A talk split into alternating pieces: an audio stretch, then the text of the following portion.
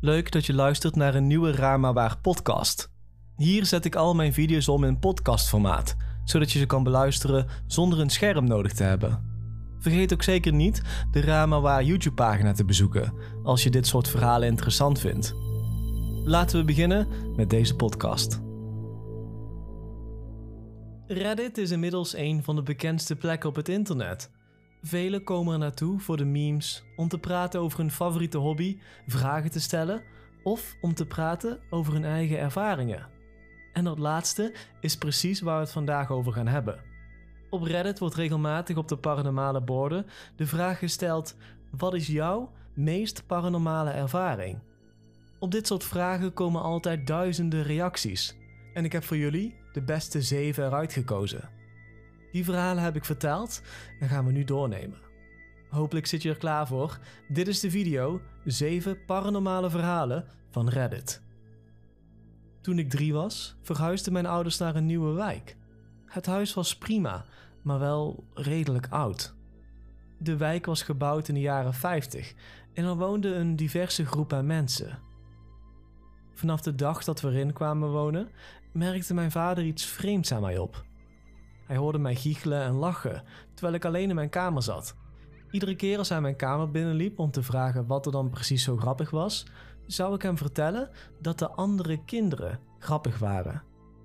Hij zou mij ook regelmatig opgekruld vinden in de kast.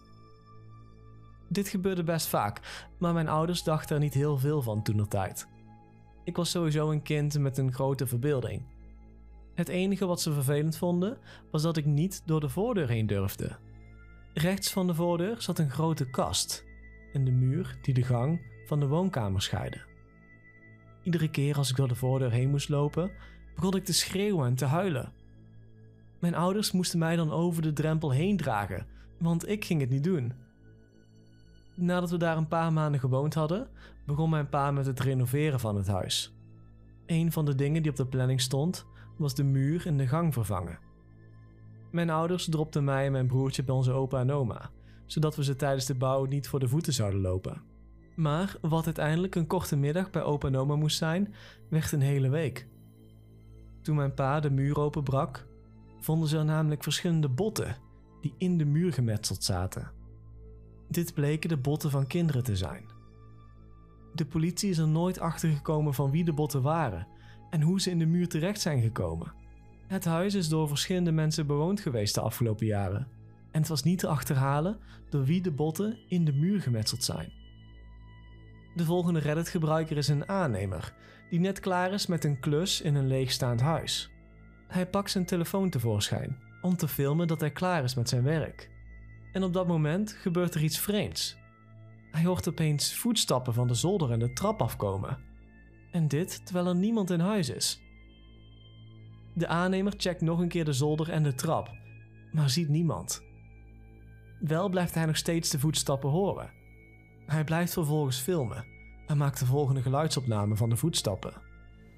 I'm in this house alone.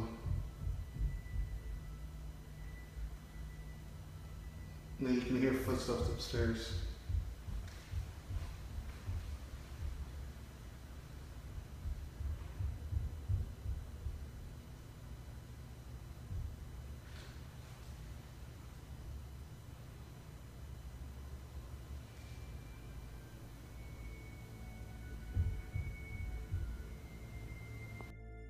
Het volgende verhaal is van een Reddit-gebruiker die vaak uit zijn slaap wordt gehaald door een vreemd geluid. Zijn verhaal gaat als volgt. Ik hoorde iemand aan mijn deurklink rammelen in het midden van de nacht, voor zeker een minuut. Het was zo hard dat ik er zelfs wakker van werd. Ik opende mijn slaapkamerdeur en op dat moment begon mijn hond opeens enorm hard te blaffen, terwijl hij naar de trap naar beneden aan het staren was. De hond ligt normaal gesproken bij mijn ouders op hun kamer aan het einde van de gang. En mijn kamer zat aan het begin van de gang, aan de trap. Door het blaffen van de hond werd mijn vader wakker en we gingen samen naar beneden om te kijken of alle deuren dicht waren. Het enige wat we vonden was dat het licht in de woonkamer niet aanging. Deze lamp bleek plotseling gesprongen. De volgende dag zag ik dat een honkbalknuppel die ik naast mijn bed bewaarde, opeens recht overeind op mijn bureau stond. En dit terwijl deze altijd eerst stevig tussen mijn sporttas en de muur lag. Mijn sporttas lag nog precies op dezelfde plek, onaangeraakt. En ik weet vrij zeker dat er niemand in mijn kamer was geweest. Het volgende verhaal komt van een Reddit-gebruiker wiens oom een bijbelkamp runt. Hij vertelt dat zijn oom zijn kamp maar 5 euro entree vraagt. Dit zodat de kinderen van minder bedeelde families een kans krijgen om een tijdje weg te zijn van hun familie. Zijn verhaal gaat als volgt. Er gebeurden verschillende creepy dingen op het kamp. Dit voornamelijk vanwege de dingen die de kinderen meenemen vanuit hun thuissituatie, die sowieso al niet al te best is. Mijn oom vertelde een verhaal over wat hem een aantal jaar geleden overkomen was. Op een nacht zaten wat meisjes nog wat te praten op de veranda, toen ze plotseling een klein meisje zagen, die rond een schuurtje wat verderop aan het huppelen was. Ze vertelde een leidinggevende erover, maar die dacht dat ze dit verhaal aan het verzinnen waren om aandacht te vragen. Diezelfde nacht nog hoorden meisjes gekras en geklop van de muren komen. De nacht daarna zien ze vreemde schaduwen voor de ramen en in de badkamers. De derde nacht zien ze datzelfde meisje rondlopen op de slaapzaal, tussen de bedden door. De vierde nacht zou het meisje gezien zijn in de slaapzaal van de jongens. Ze liep daar naar een leegstaand bed, wat achter in een hoek stond. Ze zou er op het bed zijn gaan zitten terwijl ze een liedje aan het neurien was. En diezelfde avond verscheen het meisje aan het bed van een van de begeleiders. Hij werd wakker, waarna ze vrijwel meteen weer verdween. De volgende dag zouden ze het terrein gezuiverd hebben met Sali en is het meisje nooit meer gezien. Het volgende verhaal komt van een Reddit-gebruiker met wel een heel bijzondere ervaring. Haar verhaal gaat als volgt. Tot een paar jaar geleden had ik een oude telefoon die ik gekocht had op een rommelmarkt. Ik had niet heel veel geld te besteden, dus moest ik het hiermee doen. Natuurlijk wel een nieuwe simkaart ingedaan, maar op een gegeven moment kreeg ik een telefoontje van een nummer wat ik niet kende. Ik pakte op en de persoon vroeg of Sarah daar was. Ik zei dat ze het verkeerde nummer hadden en hing op. De volgende maanden werd ik ongeveer twee keer per week gebeld door iedere keer andere mensen die altijd vroegen of Sarah daar was. Soms werd ik zelfs om drie uur s'nachts gebeld.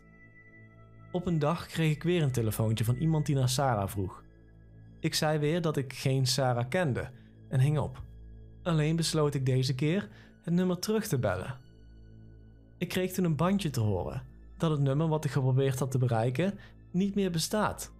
Ik besloot toen de mensen die me eerder gebeld hadden om te vragen naar Sarah ook allemaal terug te bellen. Maar iedere keer kreeg ik weer datzelfde bandje en bleek het nummer afgesloten. Ik probeerde zelfs sommige nummers te googlen, maar ik kreeg nooit resultaten. Die keer erop dat iemand mij belde en vroeg naar Sarah, zei ik: Oh ja, uh, Sarah is hier. Waarop ik het antwoord kreeg: Nee, dat is ze niet. En deze persoon hing toen op. Vanaf dat moment werd ik iedere keer gebeld door een onbekend nummer. En iedere keer als ik opnam, werd er niets gezegd en alleen maar zacht in de microfoon geademd. Zodra ik iets zei, werd er opgehangen. Ik ben toen van nummer en van telefoon veranderd en ik heb er geen last meer van gehad. Voor het ene laatste verhaal gaan we het hebben over paarden. Het verhaal gaat over een meisje die toen ze 16 was, samen met haar vriendin op een veldje naast haar huis aan het paardrijden was. Ze vertelde dat haar paard haar plotseling van zijn rug afgooide en ze haar hoofd hard raakte tegen een houten paal. Het volgende wat ze weet is dat ze op haar rug in het gras ligt en dat haar hoofd al open lijkt te splijten van de pijn. Op dat moment ziet ze haar vriendin naar haar kijken en iets roepen. Ze kan alleen niet horen wat. Wel ziet ze achter haar vriendin een man staan. Hij is lang en dun en draagt een pak en oud uitziende hoed. Hij was zonder ook maar eens te knipperen naar haar aan het staren. Toen de vriendin haar een paar dagen later in het ziekenhuis kwam opzoeken, vroeg ze of ze wist wie de man was. Waarop de vriendin zei dat niemand achter haar stond en dat ze alleen met z'n tweeën waren, tot de ambulance kwam. Het laatste verhaal is niet heel lang, maar wel interessant. Vooral omdat ik wel eens van meer mensen hoor dat ze zoiets soortgelijks meegemaakt hebben. Het verhaal gaat als volgt. Toen mijn vriendje ongeveer vier jaar oud was, sprak hij altijd met een man die hij in de spiegel zag. Zijn ouders waren natuurlijk nieuwsgierig tegen wie hun zoon dan heel de tijd aan het praten was en begonnen hem vragen te stellen over de man. Hij vertelde vervolgens hoe de man eruit zag, zijn hobby's en hoe hij doodgegaan was. En wat bleek? Een van de eerdere bewoners van het huis zou op de zolder zelfmoord hebben gepleegd. Toen ze na gingen vragen wie deze man was, kwamen ze erachter dat hun zoon precies deze man aan het beschrijven was. Zodra zijn ouders hierachter waren gekomen, zijn ze verhuisd. Bedankt voor het luisteren naar deze podcast. Heb je zelf ooit eens eens iets meegemaakt? Laat het me dan weten via mijn Twitter of Instagram. Mijn naam daar is Marcello1. Dat is Marcel L-O-W 1. Nogmaals bedankt voor het luisteren en tot de volgende keer.